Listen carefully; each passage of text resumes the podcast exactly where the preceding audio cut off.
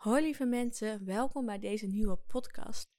In deze podcast ga ik jullie wat meer vertellen over mijn reis naar Nieuw-Zeeland. Het is een serie van drie delen. En in het eerste deel vertel ik je wat meer over wat er eigenlijk vooraf ging, hoe ik een definitief besluit heb genomen, alle voorbereidingen die ik heb getroffen en hoe het was om daar in mijn eentje aan te komen en op zoek te gaan naar een busje. Allereerst wil ik even zeggen dat het ontzettend leuk was om deze podcast te maken omdat ik daardoor al mijn oude dagboeken moest lezen. En achteraf gezien lijkt al die keuzes die ik heb gemaakt altijd heel erg makkelijk. Maar vooraf gezien waren er zeker wel heel wat angsten en dingen die ik moest overwinnen.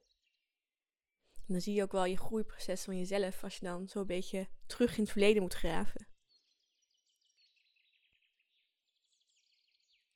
Voordat ik op reis ging, was ik namelijk twee jaar afgestudeerd van de kunstacademie. En die periode noemen ze de kunstacademie het zwarte gat. Waarom die specifieke benaming, dat weet ik ook niet. Maar het zit eigenlijk zo, als je aan het studeren bent, dan ben je ook volop bezig met kunst maken. En je bent bezig met reflectie en ontwikkeling. En er zijn heel veel werkplaatsen waar je kan werken. Je hebt constant feedback op elkaar. En als je dan afgestudeerd bent, dan valt dat allemaal weg. En dan moet je het zelf maar doorzien te gaan. En het betekent dus ook dat je geld moet gaan verdienen.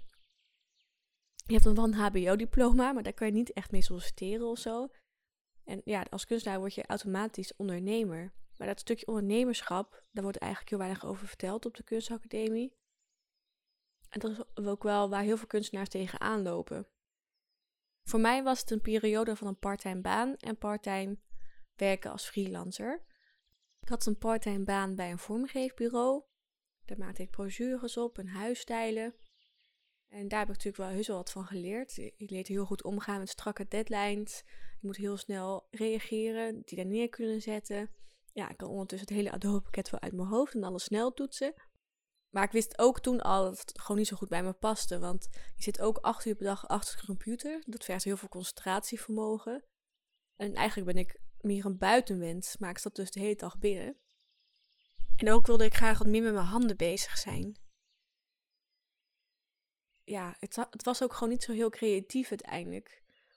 In zo'n kantoorpand werken was niet echt heel stimulerend. En gek genoeg had ik altijd heel weinig energie over als ik het eind van de dag thuis kwam. Ik moest ook wel een eindje reizen. ik was vaak om zeven uur, half acht thuis. En ja, dan had ik gewoon vaak niet meer echt de energie om bijvoorbeeld nog even een boswandeling te maken. Ook de woning was prima, maar het paste ook niet zo goed bij me. Het was een flatje midden in de stad. Dus ik had altijd heel veel last van geluiden van auto's en, en uitgaansleven. En het was ongeveer een half uur fietsen naar het bos. Dus dat was ook al een drempel om elke keer even een stukje te gaan wandelen. Er was bijvoorbeeld geen tuin. Dat vind ik heel erg leuk als ik een tuin heb. En al die dingen, dat besefte ik ook wel. En ik wist ook al dat ik mijn leven anders wilde indelen. Maar ik wist nog niet zo goed hoe. Het was dan ook de bedoeling dat ik mijn eigen bedrijfje meer zou laten groeien. Ik had dus wel wat freelance opdrachtjes. Dat deed ik voornamelijk voor particulieren en ja, beginnende ondernemers eigenlijk. Dat was ook nooit genoeg om echt mijn parttime baan te kunnen opzeggen. Ik was helemaal niet goed in het hele commercieel zijn. Dat vond ik misschien ook wel een vies woord zelfs. En ik ging dus ook wel naar netwerkborrels, maar daar haalde ik dus nooit wat uit. En toen probeerde ik ook wel verandering in te brengen. Dus dan ging ik bijvoorbeeld een workshop volgen. Maar ja, al die ondernemersworkshops, dat voelde altijd heel erg ja, alsof ik me dan moest opdringen. En dat, dat paste dan niet bij me. En dan kreeg ik een naar gevoel bij. En ik wist niet zo goed waar dat vandaan kwam. En ja, dat leerde ik ook niet veranderen in die workshops. Het waren allemaal tools die aangereikt werden. Maar ik was daar nog niet klaar voor. Ja, eigenlijk veranderde daardoor niet mijn gedachtenpatroon. En ik ging heel veel energie steken in bijvoorbeeld mijn portfolio upgraden en boekjes maken, naar uitgeverijen sturen, naar, naar potentiële bedrijven. En dan krijg je ook te maken met heel veel afwijzingen. Dat is ook wel iets wat je leert, dat het heel normaal is. En dat je maar 1% terugkrijgt met een positieve feedback. Ja, eerlijk gezegd ging ik ook wel heel veel energie steken in dat ik niet goed genoeg was. Dat mijn werk niet goed genoeg was. Dus ik was ook heel veel energie kwijt met altijd maar mijn website updaten, veranderen. Ik moest nieuw werk maken. Maar daar verloor ik ook heel erg plezier in. Dus tekenen was niet meer zo leuk. Dat ging ik ook heel erg merken, want ik ging veel minder tekenen, veel minder produceren. Ja, want er is vast een reden dat ik nooit uh, een opdracht krijg. En dat reflecteerde ik dan altijd op mijn werk, dat dat, dat, dat niet goed genoeg was. Ja, in zo'n situatie word je ook vaak omgeven door heel veel andere studenten of kunstenaars die ook strukkelen daarmee. De ene heeft misschien wel een keer een subsidie en dan gaat het weer even goed en ja, daarna weer niet. En het is, ja, je hebt een omgeving van allemaal mensen die niet rond kunnen komen, terwijl ze wel heel getalenteerd zijn. Dus ik denk dat ik ook een beetje het geloof daarin verloor dat het ook kon. En ja, ik zat eigenlijk in een cirkeltje in een vast denkpatroon waar ik gewoon heel slecht nog uitkwam. Ja, dat is een beetje hoe de situatie toen was en hoe ik me voelde. Dan wil ik ook nog een klein beetje uitleggen uh, waarom ik uiteindelijk naar Zeeland wilde. Mijn werk als kunstenaar gaat over de verbindenis met de natuur. Dus voor mijn werken ga ik heel vaak ook op pad, naar buiten toe. Zo ben ik bijvoorbeeld een keertje het bos ingegaan voor tien dagen om te kijken wat het met me zou doen. Maar ook gewoon korte wandelingen. Ik laat me heel erg verwonderen door de natuur. Dus een blaadje wat langzaam naar beneden dwarrelt. Of ja, rimpels in water. Of hoe licht schijnt op bomen. Dat zijn allemaal onderwerpen die me heel erg aangrijpen. Maar ook hoe wij als mens omgaan met de natuur en die relatie daarmee vind ik een heel interessant onderwerp. En ik vind het dus ook helemaal niet erg om af te zien. Ik ben best wel goed in uh, kamperen. Ik ben ook wel gaan hiken in Schotland. Ik ben zelfs een keer naar Noorwegen geweest om met min 10 op de sneeuw te kamperen. Om mijn noorderlicht te zien. Ja, ik denk dat ik de natuur gewoon heel bijzonder vind, omdat het iets is wat niet door de mens is gemaakt. En ik zoek daar ook altijd gewoon een stukje rust en bezinning in. En verder ben ik ook heel erg iemand die altijd heel bewust is. Dus kijk je veel, veel docu's. Waar mensen met de wereld omgaan. Ja, als kind las ik het boek Kinderen vermoeden aarde. En daar leven ze in een samenleving waar geld niet bestaat. En waar ze allemaal wel in huisjes wonen, maar die geen bezit zijn van mensen. Dat je die deelt met anderen. Dus veel meer een relatie met de natuur. En dat sprak mij altijd al aan ook alle fantasieboeken die ik vroeger las, in, zoals Tolkien, daar dat, zit dat stukje ook in. En ja, ik kon natuurlijk best wel goed bezig leven. Ik heb niet veel nodig. Ik had ook nooit mijn verwarming aan. Ik had ook geen internet thuis. Um, ik kon heel goed sparen, want ik kon ook heel goedkoop leven. Ergens wist ik dat ik blij moest zijn, dat ik een baan had die in de richting uh, van wat ik gestudeerd had. En dat ik een vast contract had. En dat ik een huisje had. Want dat kan allemaal zoveel erger. Maar toch was ik er niet gelukkig mee. Ik werd steeds verdrietiger. En uh, ik vond het steeds frustrerender als ik weer een rekening kreeg. Ik vond het gewoon ontzettend frustrerend dat ik niet verder kwam. En dat klinkt allemaal een beetje als een negatief verhaal. En dat was het misschien ook wel.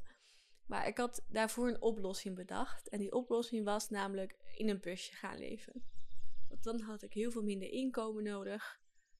En dan zou ik veel meer buiten zijn en daarmee in samenleven. En ja, dus ging ik op zoek naar busjes.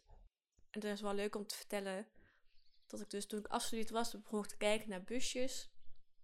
En toen waren ze ongeveer 5000 en toen een jaar later waren ze ongeveer 10.000. En ze vragen al gauw dus 10.000 en 20.000 euro voor zo'n busje dat ik zocht. Want ik wilde een oude Mercedes-bus. Want ik wilde wel een oldtimer. Want dan heb je twee jaar, om de twee jaar maar APK-plicht. Dus dan ben je veel vrijer om weg te mee kunnen gaan. En die zijn oerdegelijk. En daar vind je altijd tiener voor. Dus dan kun je ook mee naar Afrika, Nepal. En ik ben één keer ook heel dichtbij gekomen. Toen heb ik het droombusje ook bezocht.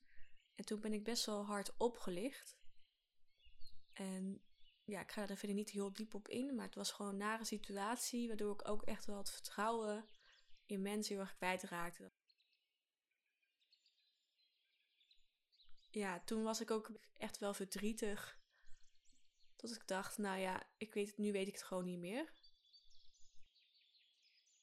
En ik weet niet of dit nou precies het moment was dat ik dacht, oké, nu moet alles anders. Of dat het gewoon een heel simpel moment was dat ik weer aan het overwerken was. En dat ik dacht, jeetje, dit mijn leven? Ga ik nog elke dag in zo'n kantoorpand werken? Maar ik weet nog wel dat ik altijd een dromenlijstje had dat boven mijn bureau hing. En dat ik ernaar keek. En dat daar ook Nieuw-Zeeland op stond. En dat ik dat ook ging vertellen tegen mijn vriend van goh, ik denk dat ik naar Nieuw-Zeeland ga. En hij nam me daarin gelijk heel serieus. Hij zei van, oh ja, oh ja, dat moet je doen. En ik had het eigenlijk niet echt verwacht. Ik zei het best wel twijfelachtig. Maar doordat hij zo serieus was, nam ik het zelf ook ineens heel serieus. En wat ik eigenlijk heb gedaan, wat voor mij heel goed werkt, is als ik het gewoon vaak hardop ga uitspreken. Toen ging ik het steeds meer vertellen aan een aantal vrienden. Zei ik het op een gegeven moment tegen mijn ouders. En daardoor werd het ook heel realistisch en voelde het steeds echter. Als je eenmaal zo'n besluit hebt genomen, dan laat je ontzettend veel zekerheden los. Eh, je laat al je bezittingen achter, je zegt je huis op, je contract. En je gaat eigenlijk het onverwachte tegemoet. En gek genoeg had ik niet heel veel moeite met al die dingen, omdat ik dus helemaal niet heel erg gelukkig mee voelde. Dus mijn huisje, zei ik heel makkelijk gedag, want het was toch niet echt mijn huisje. En mijn baan zei ik ook vrij makkelijk gedag, want het was niet echt een plek waar ik heel veel aan ging missen. Toen ben ik natuurlijk gaan voorbereiden op mijn reis. En daar heb ik ook wel een tijdje op twijfel wat ik precies wilde. Er zijn natuurlijk ontzettend veel mensen die een wereldreis maken in een jaar. Er zijn speciale organisaties waar je dan zo'n reisticket kan kopen. Dan moet je van tevoren eigenlijk bepalen welke landen je allemaal af wil gaan. Ik ben daar ook naar gaan kijken. Ik kwam er eigenlijk al snel achter dat het gewoon niet zo goed bij me past. Dat ik moet helemaal gaan uitdenken ja, welke landen ik dus wil afgaan. En je zit ook een beetje vast, want ja, je kan wel die reistickets weer veranderen. Maar dan moet je weer extra betalen mocht je dat willen. En het leek me allemaal een beetje veel gedoe. Dus uiteindelijk besloot ik zelf gewoon een enkeltje naar Nieuw-Zeeland te kopen. Uh, ja, ik kocht dus een enkeltje naar Nieuw-Zeeland en een visum. Als je onder 30 jaar bent, is dat echt heel makkelijk. Dan kan je dus een work on holiday visum krijgen. En dat betekent dus ook dat je mag werken in Nieuw-Zeeland. En dat betekent ook dat je vrijwilligerswerk mag doen. Dus als je wilt woeven in Nieuw-Zeeland, dan heb je dat ook nodig. Dat gaf mij gewoon een heel fijn idee, want dan heb je altijd een backup dat je, als je te weinig geld hebt, dat je daar weer iets mee kan verdienen. Verder haalde ik natuurlijk vaccinaties. In Nieuw-Zeeland heb je niet heel veel vaccinaties nodig, maar ik haalde voor zekerheid gewoon een heleboel, voor mocht ik nog naar andere landen gaan. Natuurlijk deed ik wel wat voorbereiding voor Nieuw-Zeeland, maar ik heb gek nog niet echt gekeken naar wat voor plek ik per se wilde bezoeken. Ik heb meer nagedacht van, goh, hoe zou ik die reis eigenlijk willen invullen? Dus ik heb meer gekeken, nou ja, bijvoorbeeld, je kan een busreis doen door Nieuw-Zeeland. Dan ga je alle mooie plekken af. Dat leek me ergens wel een fijn idee, want dan zit je dus met allemaal andere toeristen in een bus. Dan maak je heel makkelijk contact met anderen. Dan ben je nooit echt alleen. Maar het leek me ook weer niet fijn, omdat je dan heel erg vast zit. En ja, je kan niet zeggen, ik blijf hier een paar dagen langer. Je zit heel erg aan zo'n bustijden vast. Dus toen heb ik al nagedacht van, goh, wil ik gaan fietsen of liften of wandelen door Nieuw-Zeeland gaan? Maar toen zag ik uiteindelijk een blog van iemand en die had een busje gekocht in Nieuw-Zeeland. En dat sprak me gelijk ontzettend aan. En ja, het lukte me dus niet om een busje in Nederland te kopen, maar gek genoeg voelde het ontzettend realistisch om dat wel te gaan doen in Nieuw-Zeeland ik vond het zelf ontzettend slim, want als je een busje gaat huren of een auto gaat huren, dan ben je ontzettend veel geld kwijt. Vooral als je een langere periode gaat. Voor drie weken is dat wel oké, maar als je een paar maanden gaat, dan loopt het ontzettend op. Het voordeel is als je er eentje koopt, dan kan je een zin maken. En als je dan gewoon weer doorverkoopt aan het einde van je reis, dan heb je misschien wel gratis reis, in ieder geval een heel stuk goedkoper. Dus dat sprak me natuurlijk ontzettend aan. En ja, dan kwam het ook wat dichter bij mijn idee om in een busje te gaan leven. Dat dacht ik, kan ik gelijk ervaren hoe dat is en of dat, dat ook echt bij me past. Nou ja, verder denk je natuurlijk na wat je allemaal meeneemt. Ik had al zelf een uh, eh, 65 liter backpack. Die nam ik mee. Daarin dat het vooral laagjes kleren. Ik heb wel getwijfeld om een tent mee te nemen. Maar ik heb zelf een tweepersoons trekkingstent. En ik dacht, ja, als ik alleen in de berg ga wandelen, dan vind ik het eigenlijk nog wat te groot en te zwaar. Dan ga ik liever een eenpersoonstent kopen. Dat kan ik altijd nog doen in Nieuw-Zeeland. Dan wel mijn hele goede slaapzak mee. Die is namelijk voor min 15. En ja, zelfs in het busje kan ik die natuurlijk gebruiken. Die heeft mij menig nachten goed warm gehouden. Verder nam ik mijn bergschoenen mee. En ook simpele schoenen, omdat ik dacht, ja, met bergschoenen rijden vind ik niet zo fijn. En sandalen. Ik neem zelf ook altijd een dagboek mee om in te kunnen schrijven. En een setje waterverf om te kunnen tekenen. En ik had ook een tweede rugzak mee. Dat was ook voor het eerst. Dat vind ik altijd een beetje stom, want ja, ik probeer altijd zo licht gewicht mogelijk te reizen. In dit geval heb ik het ook gedaan, want het was wel heel handig met vliegen dat je natuurlijk een extra tas hebt.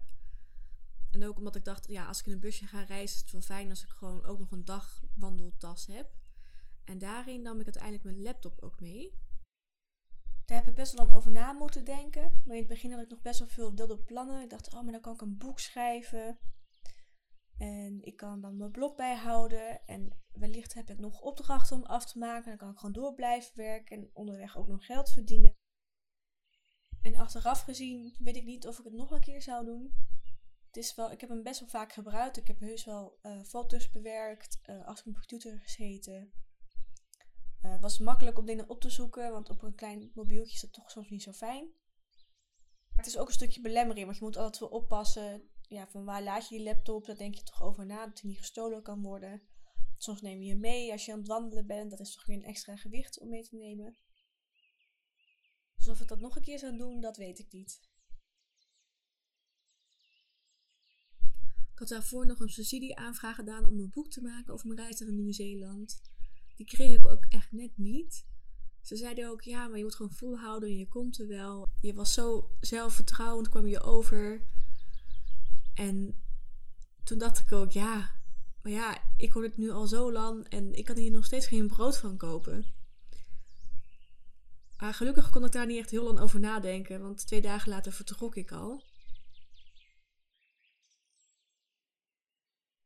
Ik werd door mijn ouders, mijn vriend en mijn broer afgezet op het vliegveld. Zoals ik dus al een klein beetje vertelde, ik had op dat moment een vriendje. Hij was nog aan het studeren.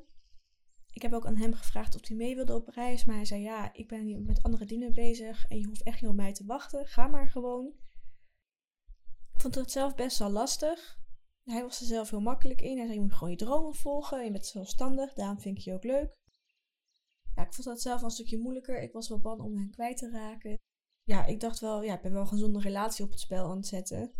Is dit het wel waard? Ja, ik dacht ook: Het is echt iets waar ik gewoon nu aan toe aan ben.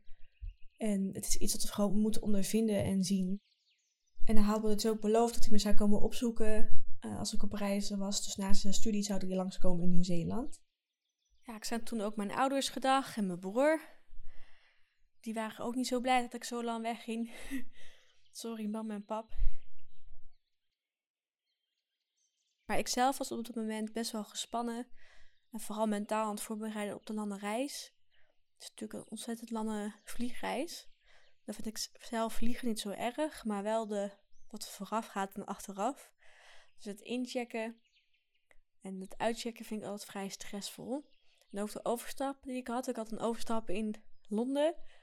En weet ik nog wel goed dat ik aankwam en dat er blijkbaar daar een gigantisch vliegveld is. Waar je dus gewoon met een bus naar de andere kant moet. Omdat het zo ver uit elkaar ligt. ja, ik weet nog wel goed dat ik echt ontzettend opgelucht was toen ik de douane heen was. En ja, eigenlijk voor het vliegveld stond. Ik dacht, yes, ik ben in Nieuw-Zeeland.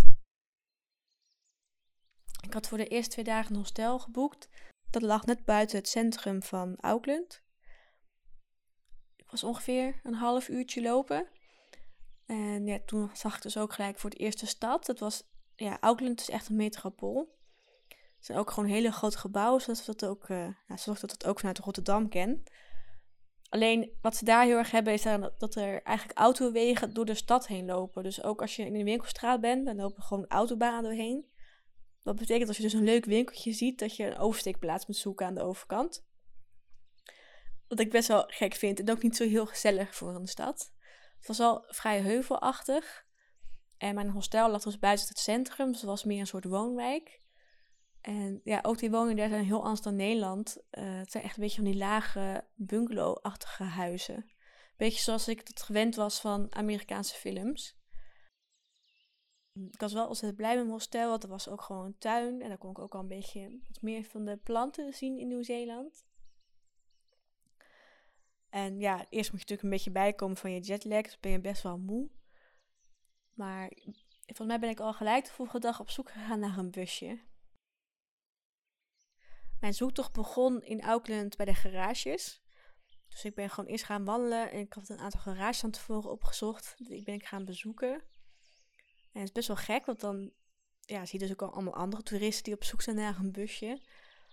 En al snel bleek dat ik weer, ja, dat ik best romantisch was geweest van tevoren. Want ik had een budget bedacht, die was 3.500 euro, dus ongeveer 5.000 dollar. En die had ik gebaseerd op een aantal blogs die ik dus had gelezen. Um, alleen toen ik aankwam, toen zeiden die garages al snel, nou, ik denk dat je eerder gaan dubbelen moet denken. Want het is niet realistisch om een busje te zoeken voor die prijs. Ik wilde graag een zelf-contained busje. Een zelf-contained busje, dat heeft een wc, een keuken en daar kan je water, je, vieze water mee opvangen. Het is niet per se dat ik al die dingen per se wilde, maar het is vooral heel erg fijn omdat je daardoor kan wild kamperen in Nieuw-Zeeland. Dus dat betekent dat je gewoon ergens langs de weg mag staan, op allemaal gratis plekken mag staan. Als je dat het dus niet hebt, als je gewoon een auto koopt of een busje die leeg is, ja, dan, dan kan je gewoon heel veel bekeuringen krijgen onderweg. Dan mag je niet gewoon ergens gaan wild kamperen. Ja, dat is een soort systeem in Nieuw-Zeeland. Dan hebben ze dus ook stickers die op je voorruit plakt. Dus je hebt een zelf-contained sticker, dat je dus zelfvoorzienend bent. Je hebt ook een sticker voor je elektriciteit. Dat betekent dat je je mag aansluiten op campingstekkers. En je ook een sticker voor je WOF, dat is je APK-keuring. Die zit ook op de voorkant van je ruit. En je hebt een sticker voor de belastingen die je betaald hebt. Ja, ik schrok wel van het bedrag wat hij noemde, omdat dat een heel groot deel van mijn budget zou opslokken van mijn reis. Ik had namelijk ongeveer 10, 12.000 euro gespaard.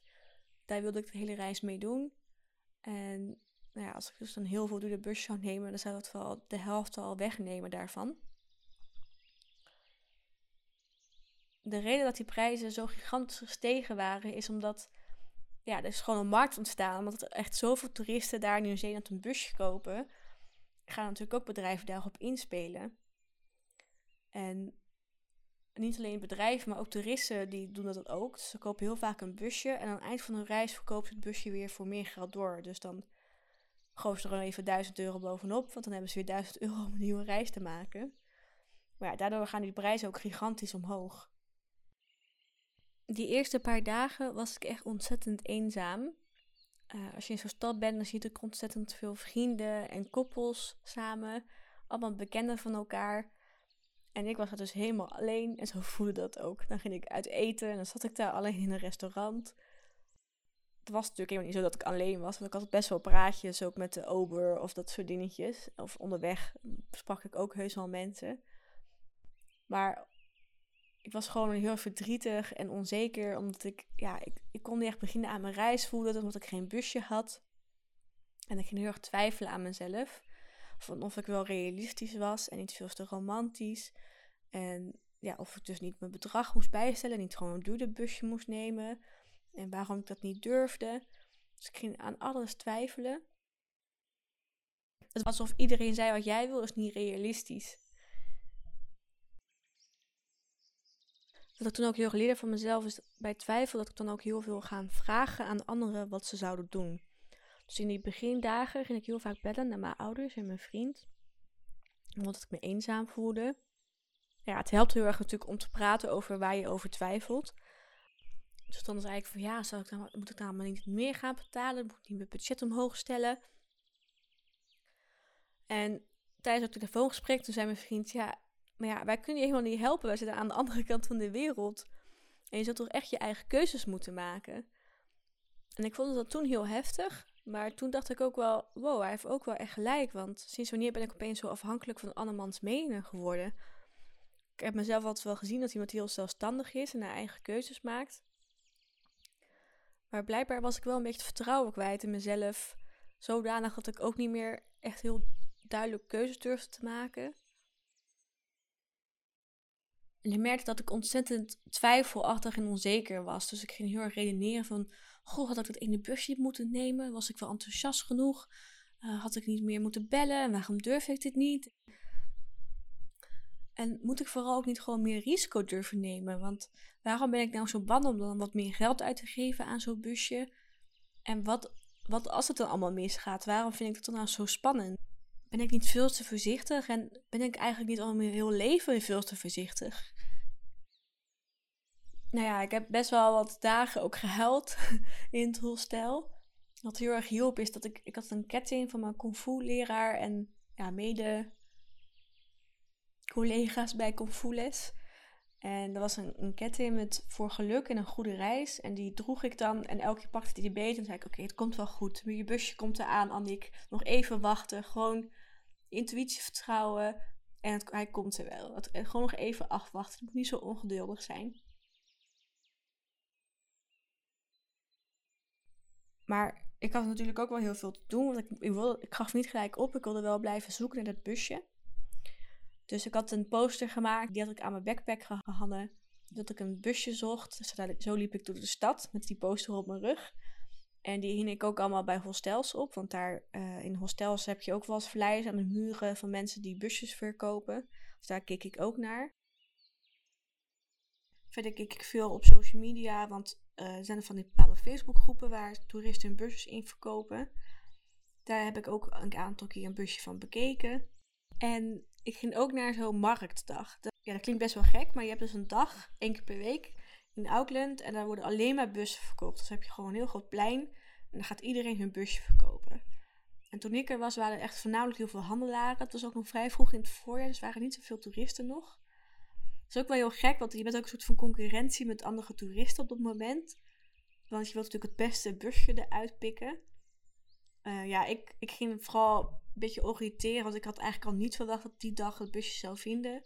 Maar ik wilde wel een beetje kijken of ik kon afdienen.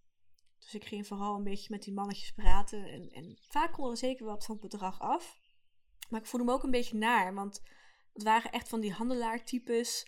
En die, die gingen ook een beetje zo opdringen. Van als je dan nu 300 dollar betaalt, dan kan ik een veel gevoegde week brennen als je al het geld hebt. En het voelde voor mij gewoon niet fijn. Wat ik die eerste 1, twee weken ook heel moeilijk vond, was iedereen zei van, oh maar je, je, je bent nooit alleen, je ontmoet zoveel mensen. Maar in mijn hostel waren voornamelijk een stel Fransen die echt als een groepje bij elkaar geclusterd waren. En verder waren er zeker wel wat andere mensen. Maar die waren ook allemaal zo verder dan mij. Die hadden al heel veel gereisd. En er ging ook heel veel over ervaringen die mensen hadden gehad. En ik begon nog maar net, dus ik had het allemaal niet. En als je dan zo'n busje gaat kopen, bijvoorbeeld op zo'n marktdag, dan zie je ook gewoon meisjes van 18 of 17 die precies hetzelfde wat jij doen. Die kopen dus ook al een busje. En ja, je weet dat het, is natuurlijk helemaal niet gezond om jezelf te vergelijken of iets aan leeftijd te koppelen. Maar op dat moment, als je je al zo slecht voelt, dan, dan helpt het zeker helemaal niet mee. Ik weet ook wel, nu zeker achteraf gezien, weet ik voor iedereen een reis heel anders is. En als je 18 bent en maakt een reis, betekent niet dat je dat hetzelfde als als je ouder bent en een reis maakt. Een reis is voor ieder anders en ieder haalt er ook wat anders uit. Ja, verder keek ik in het hostel dus ook vaak op mijn laptop. Naast alle Facebookgroepen keek ik ook op de Nieuw-Zeelandse marktplaats. Dat heet Trade Me. En ja, daar staan natuurlijk busjes over heel Nieuw-Zeeland op. En daar had ik een heel mooi busje op zien staan, binnen mijn budget. Maar het stond er ook al een tijdje op, dus ik was een beetje wantrouwig. Waarom staat het er al zo lang op? Maar ja, ik dacht, weet je, kijken kan helemaal geen kwaad. Toen mocht ik na een week komen kijken, maar dat vond ik veel te lang duren. Ik dacht, ja, ik kom nu nooit meer weg uit deze stad. Ik, ik wil daar echt wat meer vaart in hebben. Dus toen heb ik nagebeld en toen mocht ik een dag later al kijken. En ik heb toen een bus genomen, dat was ongeveer drie kwartier buiten het centrum het water over. En er was een soort ja, hele leuke buitenwijk eigenlijk. En toen ik bij het huis aankwam, zag ik het busje achter al staan. En de eigenaar was echt een hele laidback, chille gast. Een beetje, ja, ik denk dat je het best zou omschrijven zoals zo'n Australische vibe. Zo heel laidback en chill. Een gast op slippers en een korte broek. Ja, we liepen daarachter en hij liet dus het busje zien. En het busje was echt helemaal perfect. Het was alles wat je maar wilde. Ze leek ook heel goed op de tekening die ik had gemaakt.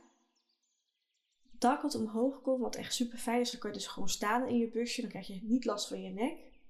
Achterin had ze een mooie keuken met erin twee pitjes en daaronder ook een grill. Er zat een koelkast, ja, dus een aanrechtblad en een, kast voor opbergruimte. En een hele mooie hoekbank waar hij net nieuwe matras op had gemaakt. Dus dat lag ook nog ontzettend lekker. En het was nog allemaal in de kleur, mijn lievelingskleur, pettigelblauw. technisch gezien wist de eigenaar best weinig over zijn eigen busje. Hij wist bijvoorbeeld niet of de huisaccu nog werkte, want ja, zelf gebruikte hem alleen maar voor een dagje weg te gaan, bijvoorbeeld te vissen of zo. Maar hij ging de nood echt verder landen mee op vakantie dan een weekendje. Ik had zelfs zo'n checklist uitgeprint van tevoren. Dat je moet doen als je een busje wilt checken op allemaal de APK-punten. Maar ik merkte dat ik daar toch zelf wel onzeker over was. Ik had zelf nog maar net mijn rijbewijs en nog niet heel veel verstand van busjes. Dus ik zei tegen hem, nou weet je, ik wil hem heel graag kopen, maar ik wil eerst een pre-vehicle check doen. Een check is eigenlijk een soort APK-keuring die je vooraf kan doen. Het is niet een officiële keuring, maar ze gaan wel alles checken van tevoren of het een goede aankoop is. En de eigenaar zei, ja, dat is allemaal prima, maar zaterdag komen er wel nog andere mensen kijken. Dus ik voelde wel een soort van druk die erachter zat. Dus toen heb ik een hele dag allemaal mailtjes en gebeld, want wat bleek, het was nog best moeilijk om het heel snel te regelen, want heel veel bedrijven die konden pas na een week kijken. Toen uiteindelijk vond ik een ZZP'er uh, die het de dag daarna kon doen, dus toen ben ik weer teruggegaan. De eigenaar was er die dag niet, dus ik had hem gebeld en hij zei, ja, ja, geen probleem. Ik leg wel uh, de sleutel op voorband en dan kan hem daar vinden. En dat was ook zo. dus dat ging allemaal ontzettend op goed vertrouwen. Dat gaf mij ook een heel fijn gevoel. Dus toen ik die tweede keer aankwam, toen was de, de ZZP'er was er al. Dat was wel heel leuk. Dat was blijkbaar een man uit Suriname. Dus die sprak ook een aantal woordjes Nederlands. En ja, die lag al helemaal onder de bus te kijken naar alle roesplekken.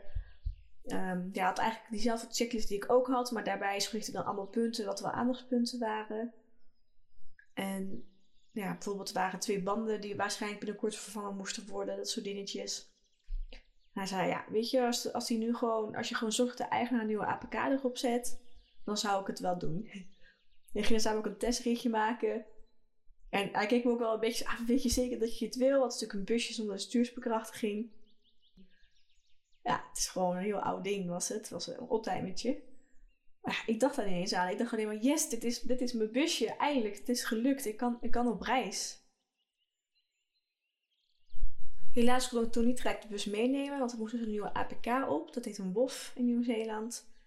Uh, dat duurde een paar dagen, dat moest de eigenaar regelen. Dat vond ik op zich niet zo erg, want daarna was ik veel relaxter. Toen kon ik ook meer genieten van de stad. Toen kon ik ook naar museums. Omdat ja, ik hoefde niet met achter computer te zitten. En ik had gewoon rust. Wetend dat, ik, dat het goed kwam. De dag dat ik het busje ging halen was na etenstijd. Toen heb ik natuurlijk al het papierwerk overhandeld. En uh, ik natuurlijk al papierwerk overhandigd en betaald. En daarna kreeg ik de sleutel en had ik ineens een busje. En ja, het was toen al donker. Het was namelijk best wel, ja, het was voorjaar, het was best wel vroeg donker. En ik ben ook echt meer een ochtendmes dan een avondmes. Dus ik wilde ook niet per se echt een heel stuk gaan rijden. En ik had daar, voor die dag had ik een keertje gewandeld daar. En toen had ik gezien dat er een parkeerplek was aan het water met een openbare wc. Dus ik dacht, weet je wat, ik rijd gewoon daar naartoe. Dat was echt maar één minuut rijden of zo. Dat heb ik gedaan. Het was op zich wel een mooi plekje. Volgens mij mocht je er officieel gezien niet echt gaan kamperen. Maar ik heb dus de dak gewoon niet omhoog gedaan van het busje en alle gordijnen dicht. Dat dan valt het helemaal niet op. Uh, ik heb niet heel goed geslapen die eerste nacht. Ik kon namelijk een stok niet vinden om het bed mee uit te schuiven. Dus ik lag maar op een halve deel. Ook was het nog vrij koud. En er waren ook wat hangjongeren op, het, op het strand aan het chillen. Daar kon ik niet echt slapen door alle geluiden. En ik had ook gewoon ontzettend veel spanning uh, van alles wat ik had gedaan. En dat moest er gewoon nog even uitkomen, denk ik. Ik was dan ook al heel vroeg wakker. En ik moest die dag allemaal wat dingetjes regelen. Ik moest papierwerk inleveren bij een soort van gemeenteplek. En ik wilde een verzekering nemen en ik wilde wat dingen gaan kopen. Dus ik was vroeg wakker en ik spring voorin in mijn busje en niks. Ik kreeg er gewoon niet aan. En de eigenaar had wel al gezegd dat ze wat moeilijker start in de ochtend, want het is natuurlijk nog koud weer. Nou ja, het lukte me gewoon niet om haar aan te krijgen. En toen stonden de twee bouwvakkers, die stonden naast het busje te roken. En die zeiden ja, die keken me een beetje aan en zeiden ja, ik denk dat je wat meer moet pompen. Dus het bleek dus dat je, als je je gas een paar keer in die petaal intrapt, dan wordt die wel warm. En op een gegeven moment startten ze, toen kon ik weg. En er was dus een woonwijk waar je dus niet heel duidelijk een wegmarkering uh, hebt. Dus toen ging ik gelijk rechts rijden. En zoals je waarschijnlijk wel weet, in Nieuw-Zeeland is het links rijden. Dus toen ben ik weer gestopt. Toen heb ik heel groot op een A4'tje geschreven links rijden. Dat heb ik opgeplakt op mijn dashboard. En eh, zo ben ik weggereden. En ja, ik was ontzettend gespannen in het begin. Koppelen op zich had ik niet heel veel moeite gelijk mee. Maar wat bleek, als ik bijvoorbeeld van 1, 2 en 3 naar 4 ging, ging het allemaal goed. Maar als ik dan bijvoorbeeld naar een stoplicht naderde en ik wilde naar C1 gaan, dan viel ze heel snel stil in één keer. Ik moest haar een beetje leren kennen. Toen bleek als ik dan gewoon van 4 naar 3 naar 2 naar 1 ging, dat ze het wel heel goed deed. Maar dat wist ik in het begin dus niet. Dus ik liet haar en heel vaak stilvallen. Wat best wel spannend was. En het is ontzettend heuvelachtig daar in de stad. En het was dus ook echt stad-stad nog. Dus er waren ontzettend veel wegmarkerenden en borden die ik nog niet kende. En het was natuurlijk best wel druk daar.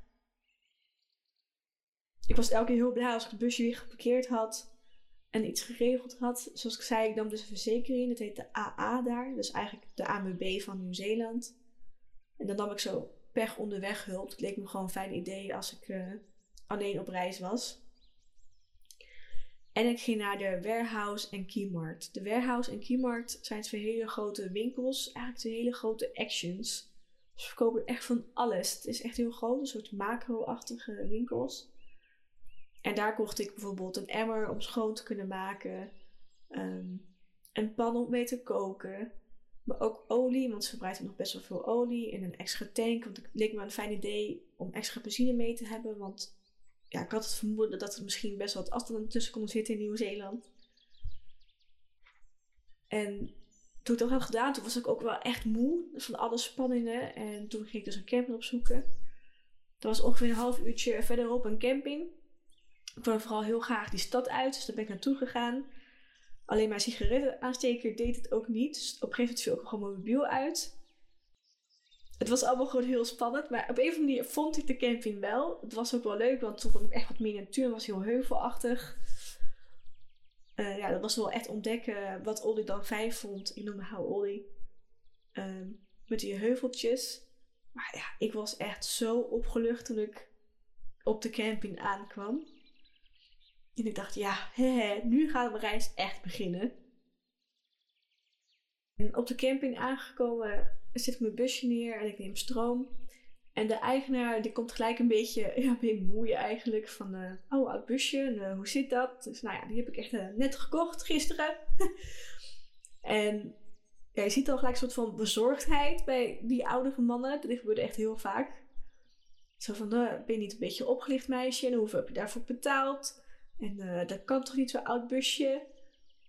Maar aan de andere kant ook super enthousiast en behulpzaam. En dat was nu ook gelijk. Dus um, hij ging wel gelijk kijken. En hij haalde ook een paar andere mannen erbij van de camping. Eentje die repareerde boten, die had aan een werkplaats. En een man van Ori afkomst, die woonde daar dan tijdelijk soms. Hij had twee huizen, eentje daar en dan nog in Coromandel. En ja, die gingen gelijk kijken wat ik nou eigenlijk had gekocht. En of die huishoudaccu nog deed. Dus die ging allemaal apparatuur halen om te kijken of er dus nog stroom op zat. Ehm, en ik kreeg het spul om een roes bij te werken. En dat zit ook wel heel erg door in de rest van de reis. Die behulpzaamheid en ja, het, het hebben van zo'n oud busje, dat spreekt natuurlijk ook heel veel mensen aan. Dus dat was ook wel een voordeel als je alleen het reizen bent. Daardoor heb je wel heel makkelijk een aanknopingspunt om een gesprek te starten ik bleef een paar dagen op die camping. Ik heb het busje toen ja, eerst helemaal lekker schoongemaakt en goed ingericht. Zodat ze ook echt van mij voelden. Ik was heel blij dat de koelkast werkte en dat mijn stroompunt in de bussen deed. Dus ik kon ook gewoon lekker weer alles opladen. Ik werd rondgeleid door de, ja, door de Maori-man.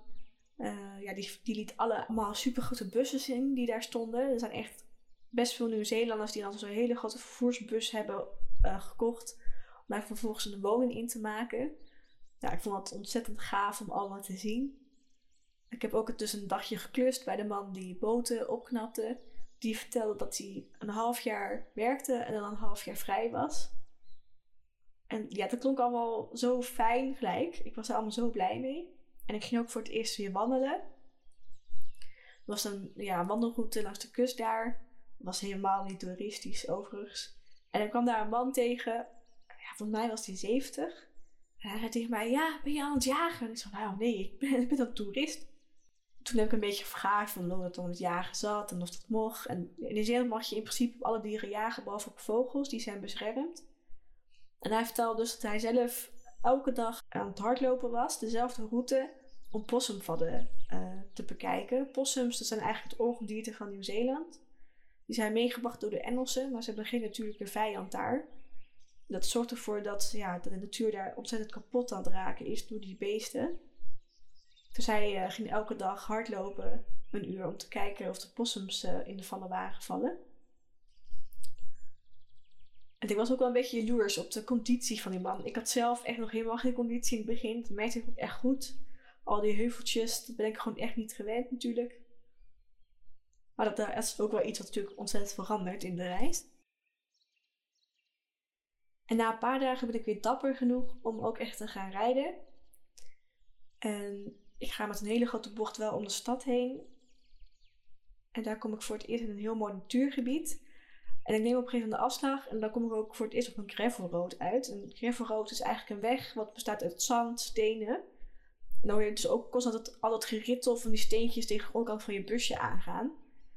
Nou, ik vond dat echt best wel spannend, maar achteraf bleek dus dat het echt heel veel is in Nieuw-Zeeland. Dat ik er nog heel veel zou rijden en ook echt nog heel veel, heel veel erger zijn dan degene die ik toen had. En toen ik daar aan het rijden was, toen reed er een andere auto langs maar die stopte en daar zat een oudste koppel in. En die zeiden, oh, wat doe je hier? Ben je verdwaald? Ik zei, ja, ik ben op zoek naar een leuke plek om te slapen. Dus ik keek die man zo aan van ben je alleen? Ik zei, ja, ik ben alleen. Ja, ja, het is wel een mooie plek daar aan de kust en dan kan je wel slapen. Maar dat moet je echt niet doen hoor, als je alleen bent. Dat kan niet. Uh, ja, ja, weet je, ga met mij mee. Ik heb een heel groot terrein en dan ben je veilig en dan mag je daar slapen. En dat is wel heel grappig dat dat het dus een soort wantrouwen is naar mensen toe. Dat ik echt heel vaak door mannen gewaarschuwd werd van meisje, let op, het is gevaarlijk, je moet niet alleen reizen. Maar dat ze tegelijkertijd ook verwacht dat ik hun wel zou vertrouwen. En dat deed ik dan ook vaak. En met in dit geval ging ik dus ook mee. En was super leuk. Ik mocht dus op zijn terrein slapen. Dat echt een heel mooi terrein. En dat ook een gigantische werkplaats waar hij houtbewerking deed. Want hij repareerde orgels. En had ontzettend veel mooie instrumenten en apparatuur daarvoor. Er is ook echt vuur over verteld. En ik mocht ook wandelen op zijn terrein. En kreeg van hem ook een boek met uh, allemaal campings en een plattegrond. Het was zo ontzettend lief allemaal. En zijn telefoonnummer uh, voor een overnachtingsplek in Coromandel. En ik heb altijd geleerd dat mensen niet te vertrouwen zijn. Dat mensen en zijn. En dat je altijd moet oppassen als meisje.